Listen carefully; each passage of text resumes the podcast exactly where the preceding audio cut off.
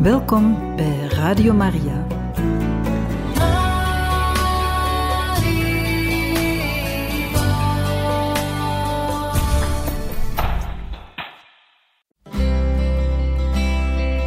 Welkom bij Boekat, een programma van Radio Maria.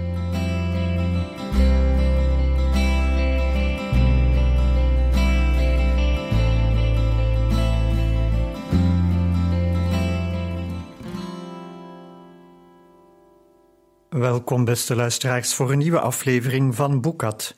We lezen vandaag uit het boek van Tessa Afshar, schrijfster aan het Perzische Hof. Ik ontwaakte uit mijn verlamde toestand toen Darius zijn vingers om mijn trillende hand vouwde. Hij glimlachte naar me en ging voorbij aan het feit dat ik de etiketten had genegeerd door midden in onze publieke processie te blijven staan. Ik had je eerder vanavond moeten zeggen, zei hij, alsof we een gesprek voerden in de beslotenheid van onze eigen kamer en niet in de aanwezigheid van ongeveer elk belangrijk staatshoofd, dat je er prachtig uitziet. Hij knikte er nadrukkelijk bij, alsof hij duidelijk wilde maken dat hij het meende. Vervolgens pakte hij mij bij de hand en volgde ik hem blind naar een bank aan de kop van de zaal. Ik liet mijn hoofd hangen onder het gewicht van al die nieuwsgierige blikken. Darius legde teder een vinger onder mijn kin en tilde mijn gezicht op.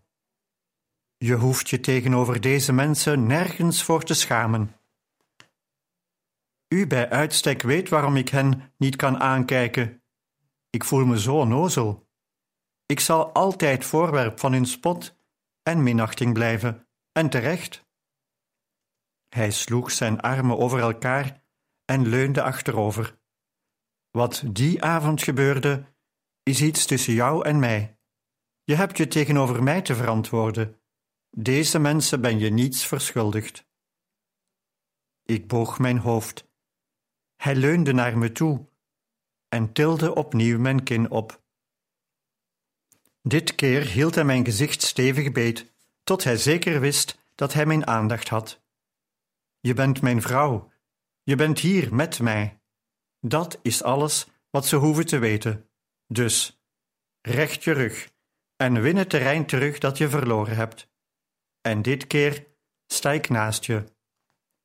Dank u, fluisterde ik met onvaste stem. Wat was het eerste dat ik over Kidaris leerde? Het paard? Je merrie, ja. Wat heb ik je over haar geleerd? Dat ik niet bang voor haar moest zijn, ook al is ze groter dan ik. Precies. Er is niet zoveel verschil tussen deze mensen en jouw paard. Ik kon niet anders dan lachen om zijn vergelijking. Al was ik ook een beetje gechoqueerd door het gemak waarmee hij de elite van Perzië afserveerde. Dat is beter, zei hij. Je hebt een prachtige glimlach. Dit was al de tweede keer dat hij me prachtig noemde. Ik wist dat hij een vreselijke hekel aan liegen had, maar een dergelijk compliment leek mij toch echt niet gemeend. Ik hoorde de woorden wel, maar kon mezelf er niet toe brengen ze ook te geloven. U bent heel vriendelijk geweest. Ik ben u veel verschuldigd. Dank u wel dat je me gered hebt van die jachtpartij morgen. Ik moet er niet aan denken bij zonsopkomst alweer in het zadel te moeten zitten. Mijn ogen openhouden, tot veel meer ben ik niet meer in staat. Darius boog zich naar voren, pakte een met edelstenen ingelegd mes dat op onze tafel lag, sneed een stuk van de gevulde kweepeer die net geserveerd was en hield het me voor. Ik weet dat je moe bent. Het is een uitputtende week voor je geweest. Helaas, ik ben ervan overtuigd dat je liever naar bed wilt. Maar we zullen vanavond een van de laatste zijn die vertrekken. We feesten de hele nacht door en laten iedereen zien dat we samen prima kunnen vinden. En dat er dus geen enkele reden is voor al die loze roddels die over ons de ronde doen. Zoals hij had voorspeld, was het behoorlijk laat toen Darius en ik eindelijk naar ons kleine verblijf terugkeerden. Zodra we binnen waren, struinde ik naar de nis waar een van de bedienden op mijn verzoek een bedrol neer had gelegd. Maar ik kon onmogelijk in mijn dure gewaad gaan slapen. Ik liet me op het matras zakken en probeerde een manier te verzinnen om me uit te kunnen kleden, terwijl Darius recht tegenover me in de kamer zat en alles kon zien. Wat doe je nou? vroeg hij en liep naar me toe. Ik ga slapen. Maar niet hier? Hij gebaarde met zijn hoofd naar het grote bed. Daar. Ik weet zeker dat ik zo rood als een kreeft werd. Hij deed een stap achteruit. Ik bedoelde. Ik wilde niet. Ik bedoelde dat ik wel op de vloer ga slapen en jij in het bed. Ik sleep een vrouw niet half Perzië door om haar vervolgens op de grond te laten slapen. Ik ben gewend om op de grond te slapen. Kan me niet schelen. Ik was te moe om tegen hem in te gaan. Zonder een woord te zeggen, stond ik op en sleepte mezelf naar het bed. Ik ging zitten en probeerde wederom te bedenken hoe ik me uit kon kleden in dezelfde kamer als mijn man. Sarah, dat was ik bijna vergeten. Ik heb bericht van de mannen die ik erop uit had gestuurd om Thijspes broer te vinden. Ze komen morgen en brengen zijn boekhouding mee. Evenals Mandana's reçus. We moeten ze morgen samen doorwerken en op orde brengen. Kun je me helpen? Mijn gezicht betrok. Uren geleden was de sabbat begonnen. De dag behoorde aan God gewijd te zijn. Ik had de sabbat meer dan eens gebroken. Maar ik had mijn leven toen nog niet volledig in zijn handen gelegd. Ik had mezelf beloofd dat ik niet meer zo snel compromissen zou sluiten. Heer, ik, ik kan niet. Hij trok een wenkbrauw op. Natuurlijk. Ik had niet mogen verwachten dat je nog als schrijver wilt werken, nu je een betere positie hebt. Dat is het niet. Ik stond op en liep naar hem toe. Dat is het helemaal niet. De ironie, nu kon ik hem niet helpen, terwijl ik eindelijk de kans had om hem te helpen. Gods keuze van het juiste tijdstip was me een raadsel. Waarom sloot hij deze deur als hij wist dat het de enige manier was om de waardering van mijn man te verdienen? Het is sabbat, de Joodse rustdag. God vraagt van ons dat we die heilig houden, en ik, ik wil hem beter eren dan ik in het verleden heb gedaan. Tot mijn opluchting werd de strakke lijn om zijn mond zachter. Sabbat. Ik weet wat dat is. Mijn moeder hield zich daaraan. Hij draaide zich om en keek over zijn schouder. Het schaadt niemand als we die boekhouding een dag later bekijken, lijkt me. Ik slaakte een zucht van verlichting. Ik neem de boekhouding van Thijspes broer graag door.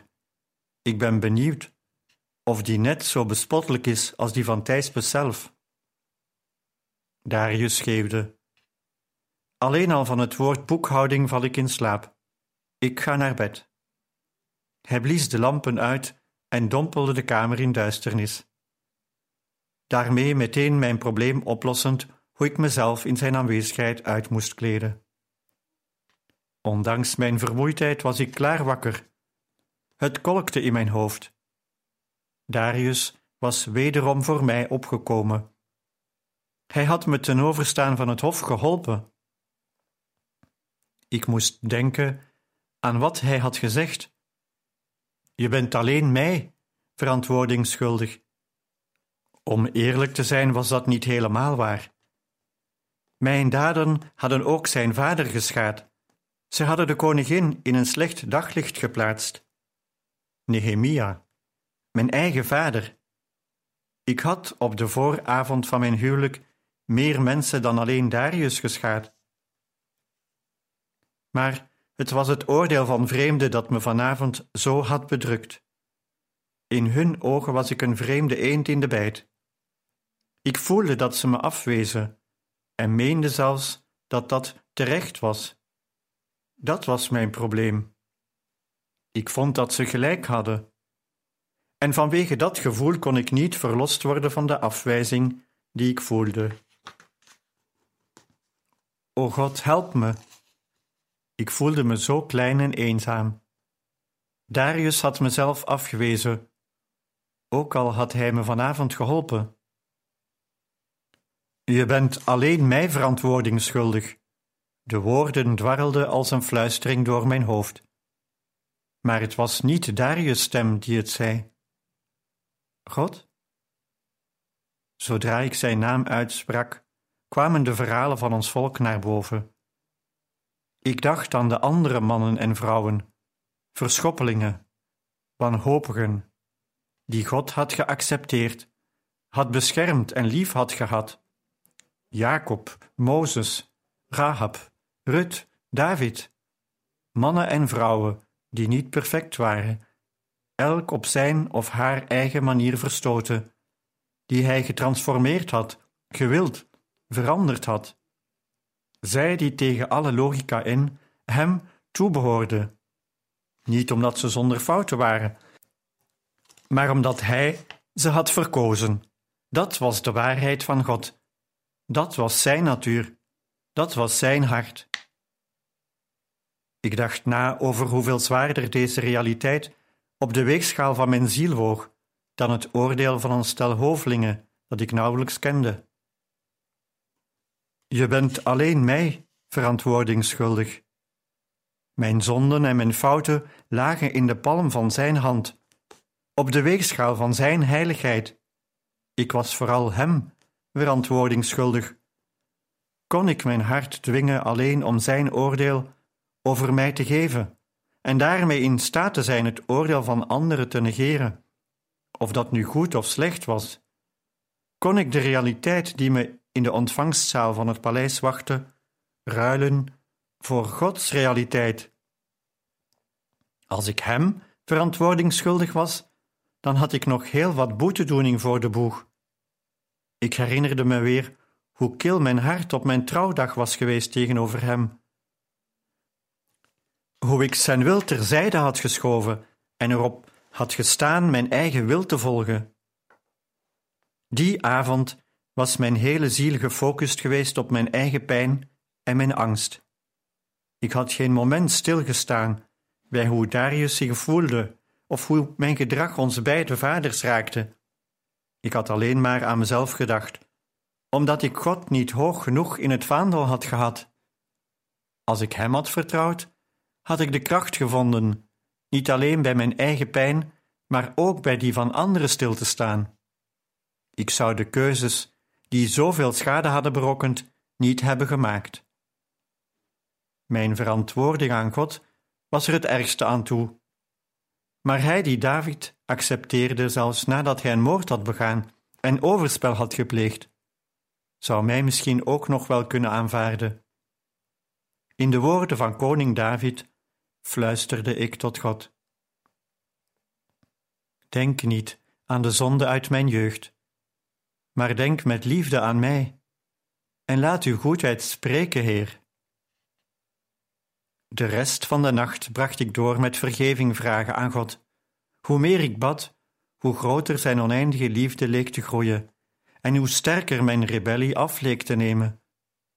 Het was alsof zijn goedheid beetje bij beetje mijn zonde opslokte. En toen ik die avond eindelijk in slaap viel, droomde ik zoete dromen.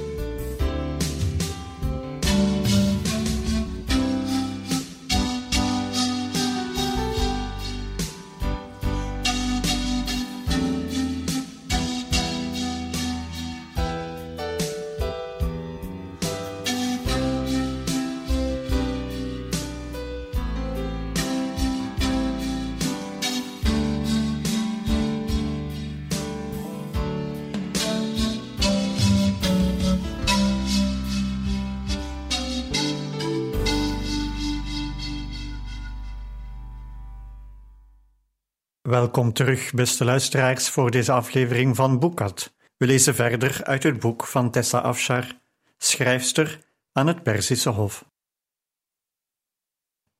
De volgende avond stuurde Damaspia haar bediende weg om mij alleen te kunnen spreken. Ze verzocht me plaats te nemen op een vergulde krukje naast haar en bood me fruit aan. Uit een schaal boordevol appels, peren, vijgen, moerbeien en nog een stel andere vruchten, waarvan ik de naam niet eens kende. Het was een eer die ik te danken had aan mijn nieuwe positie. Vroeger had ik in haar aanwezigheid moeten blijven staan. Zonder omhaal zei ze: Je hebt een moeilijke zomer achter de rug. Ik dacht dat ze op Thijs doelde. Ja, majesteit, antwoordde ik. Hoewel het goed voelt van hem af te zijn. Van hem wel ja. Maar hoe zit het met je hart? Mijn hart? piepte ik. Ik neem aan dat je het niet leuk vond je post te moeten verlaten om vervolgens ver weg van het hof ergens te moeten gaan wonen en ook nog door je man verlaten te worden. Ik schoof wat heen en weer. Het krukje kraakte onder mijn gewicht. Het zag er dan misschien mooi uit. Het zat niet echt lekker. Typisch Damaspia. Om mij op een wiebelig ding te laten zitten en me vervolgens te bestoken met ongemakkelijke vragen. Aanvankelijk was het vreselijk. Ik zat vol zelfmedelijden, zei ik. Ze glimlachte. En toen? Ik haalde mijn schouders op. Toen maakte ik vrienden. Dat is fijn om te horen. Je moet eenzaam zijn geweest. Zelfs in mijn jaren aan het hof was ik eenzaam geweest. Ik had het alleen te druk gehad om het door te hebben en was te moe en te bang om het erg te vinden. Aan het hof had ik kennissen, collega's, oppervlakkige vriendschappen, maar ik had niemand bij wie ik mijn hart uit kon storten, noch was ik in staat geweest om een ander op die manier te steunen. De eerste stille dagen in mijn nieuwe thuis hadden me gedwongen in te zien hoe alleen ik was. Zonder afleiding, zonder de druk van mijn werk, had ik voor het eerst in mijn leven geen andere keuze gehad dan echt te voelen. Ja, majesteit, zei ik en liet het daarbij. Ze vouwde haar handen als een ivoren waaier en legde ze in haar schoot. Het was mijn schuld dat de hele zomer niemand geprobeerd heeft je te bereiken. En ik had daar een goede reden voor. Jouw echtgenoot ijsbeerde hier wekenlang rond als een getergde tijger. Ik was bang dat, als wij probeerden jou te schrijven of te bezoeken, hij dat zou zien als een soort bemoeienis en nog bozer op jou zou worden. En dus hield ik afstand tot jou en vroeg Nehemia hetzelfde te doen en jouw vader te verzoeken evenmin contact te zoeken. Een paar weken later stuurde de koning Darius op een speciale missie om hem een beetje af te laten koelen. Toen hij terugkeerde, was hij wat meer zichzelf, en dat was het moment waarop ik hem verzocht jou te gaan halen. Ik dacht terug aan Thijspes gemene opmerking, dat de stilte van mijn familie en vrienden betekende dat niemand om mij gaf. Nu bleek dat het tegengestelde waar was. Ze waren weggebleven omdat ze om me gaven. Ik had Thijspes versie van de gebeurtenissen voor waar aangenomen. Het had ook zo logisch geklonken. En in mijn wanhoop was het zo gemakkelijk geweest een leugen te geloven. Ik zag dat de koningin op een reactie zat te wachten en vermande mezelf. Mijn heer is zeer vriendelijk tegen me sinds zijn terugkeer. Oh, ben je nu eindelijk een echte bruid? Ik deed of ik niet begreep wat ze bedoelde. Met een uitgestreken gezicht zei ik: Nee, majesteit. Ach, het is nog vroeg. Zeg eens, hoe bevallen jullie kamers hier in Ekbatana? Het is Ongebruikelijk? Damaspia lachte. Het had heel wat voeten in de aarde, geloof mij maar. Zelfs de koning was gechoqueerd dat ik man en vrouw in één kamer onderbracht. Maar nu jij zo mooi bent en dag en nacht in zijn buurt verkeert, zal het niet lang meer duren voor die neef van mij wakker wordt en ziet wat hij heeft. Ik probeerde mijn irritatie over haar bemoeizucht te verbergen. Ik wist dat ze zich verantwoordelijk voelde, schuldig zelfs, over de uitkomst van deze verbintenis. Haar beweegredenen waren goed, maar ik wilde heel graag dat ze haar neus niet in mijn leven stak. Mooi zou ik het niet noemen, majesteit, zei ik met een stem die droop van sarcasme. Twijfel je daar nog steeds aan? Met die lippen, dat glanzende haar en al die rondingen, moet elke man wel naar je kijken. En nu je je eindelijk kleedt als een dame en niet als een verweesde boerin, komt al die schoonheid ook eindelijk tot zijn recht. Hoe kom je aan die prachtige jurk die je gisteravond naar het feest aanhad? Die kwam niet van mij. Heer Darius schonk hem mij. Zijn moeder had de jurk voor zijn toekomstige vrouw apart gelegd. Hij is inderdaad aardig. Ik zag gisteravond ook dat hij zeer attent was tijdens het feest. Ik schrok toen ze plotseling mijn hand pakte, niet als koningin, maar als vriendin. Sarah, jij bent niet als een van ons geboren. Jij kunt je niet voorstellen wat het betekent vanaf je geboorte al bepaalde privileges en invloeden te hebben. Jij kunt je niet voorstellen hoe mensen zich soms op je storten, enkel om je te kunnen gebruiken. Jij kunt je niet voorstellen hoe het is nooit zeker te weten of iemand echt om je geeft, of alleen maar op een voordeeltje uit is. Vertrouwen is niet iets wat wij makkelijk schenken, en als het eenmaal geschaad is, is dat moeilijk te herstellen. Dat is een van de redenen waarom ik jou voor Darius uitkoos. Ik wist dat jij betrouwbaar bent en loyaal. Ik wist dat hij in jouw handen veilig zou zijn. Het probleem is dat hij dat nog niet weet, en het zal even duren voor de schade hersteld is. Maar ik geloof dat dat wel goed komt, omdat de waarheid is dat jij niet bent wie hij denkt dat je bent. Als hij de echte Sarah leert kennen, zal hij je vergeven. Na mijn gesprek met Damaspia ging ik even langs bij mijn oude collega's. Ze zaten zoals gewoonlijk te werken in een bedompt hok in de vrouwenvleugel. Ik bleef even in de deuropening staan om ze te observeren. Dit was een paar maanden geleden, nog mijn vooruitzicht. Nu voelde ik me ervan vervreemd. Ik had gedacht dat de aanblik van deze mensen mijn verlangen naar het werk op zou doen laaien. Maar ik voelde me een vreemde in die kamer. Ik hoorde er niet meer thuis. Dat besef kwam als een schok, want ik had niet het idee dat ik in Darius' huishouden wel thuis hoorde. Wat was dan nu mijn plek? Mijn gepeins werd onderbroken toen een van de eunuchs me zag, opsprong en daarbij zijn perkament op de grond liet vallen. Ik probeerde de vellen voor hem op te rapen, maar dat lieten de eunuchs niet toe. Het was overduidelijk dat ik er in hun ogen ook niet meer thuis hoorde. Ik was nu een hooggeplaatste dame. Ze gedroegen zich vreemd, en wat ik ook zei, ik kon ze mij niet op hun gemak stellen.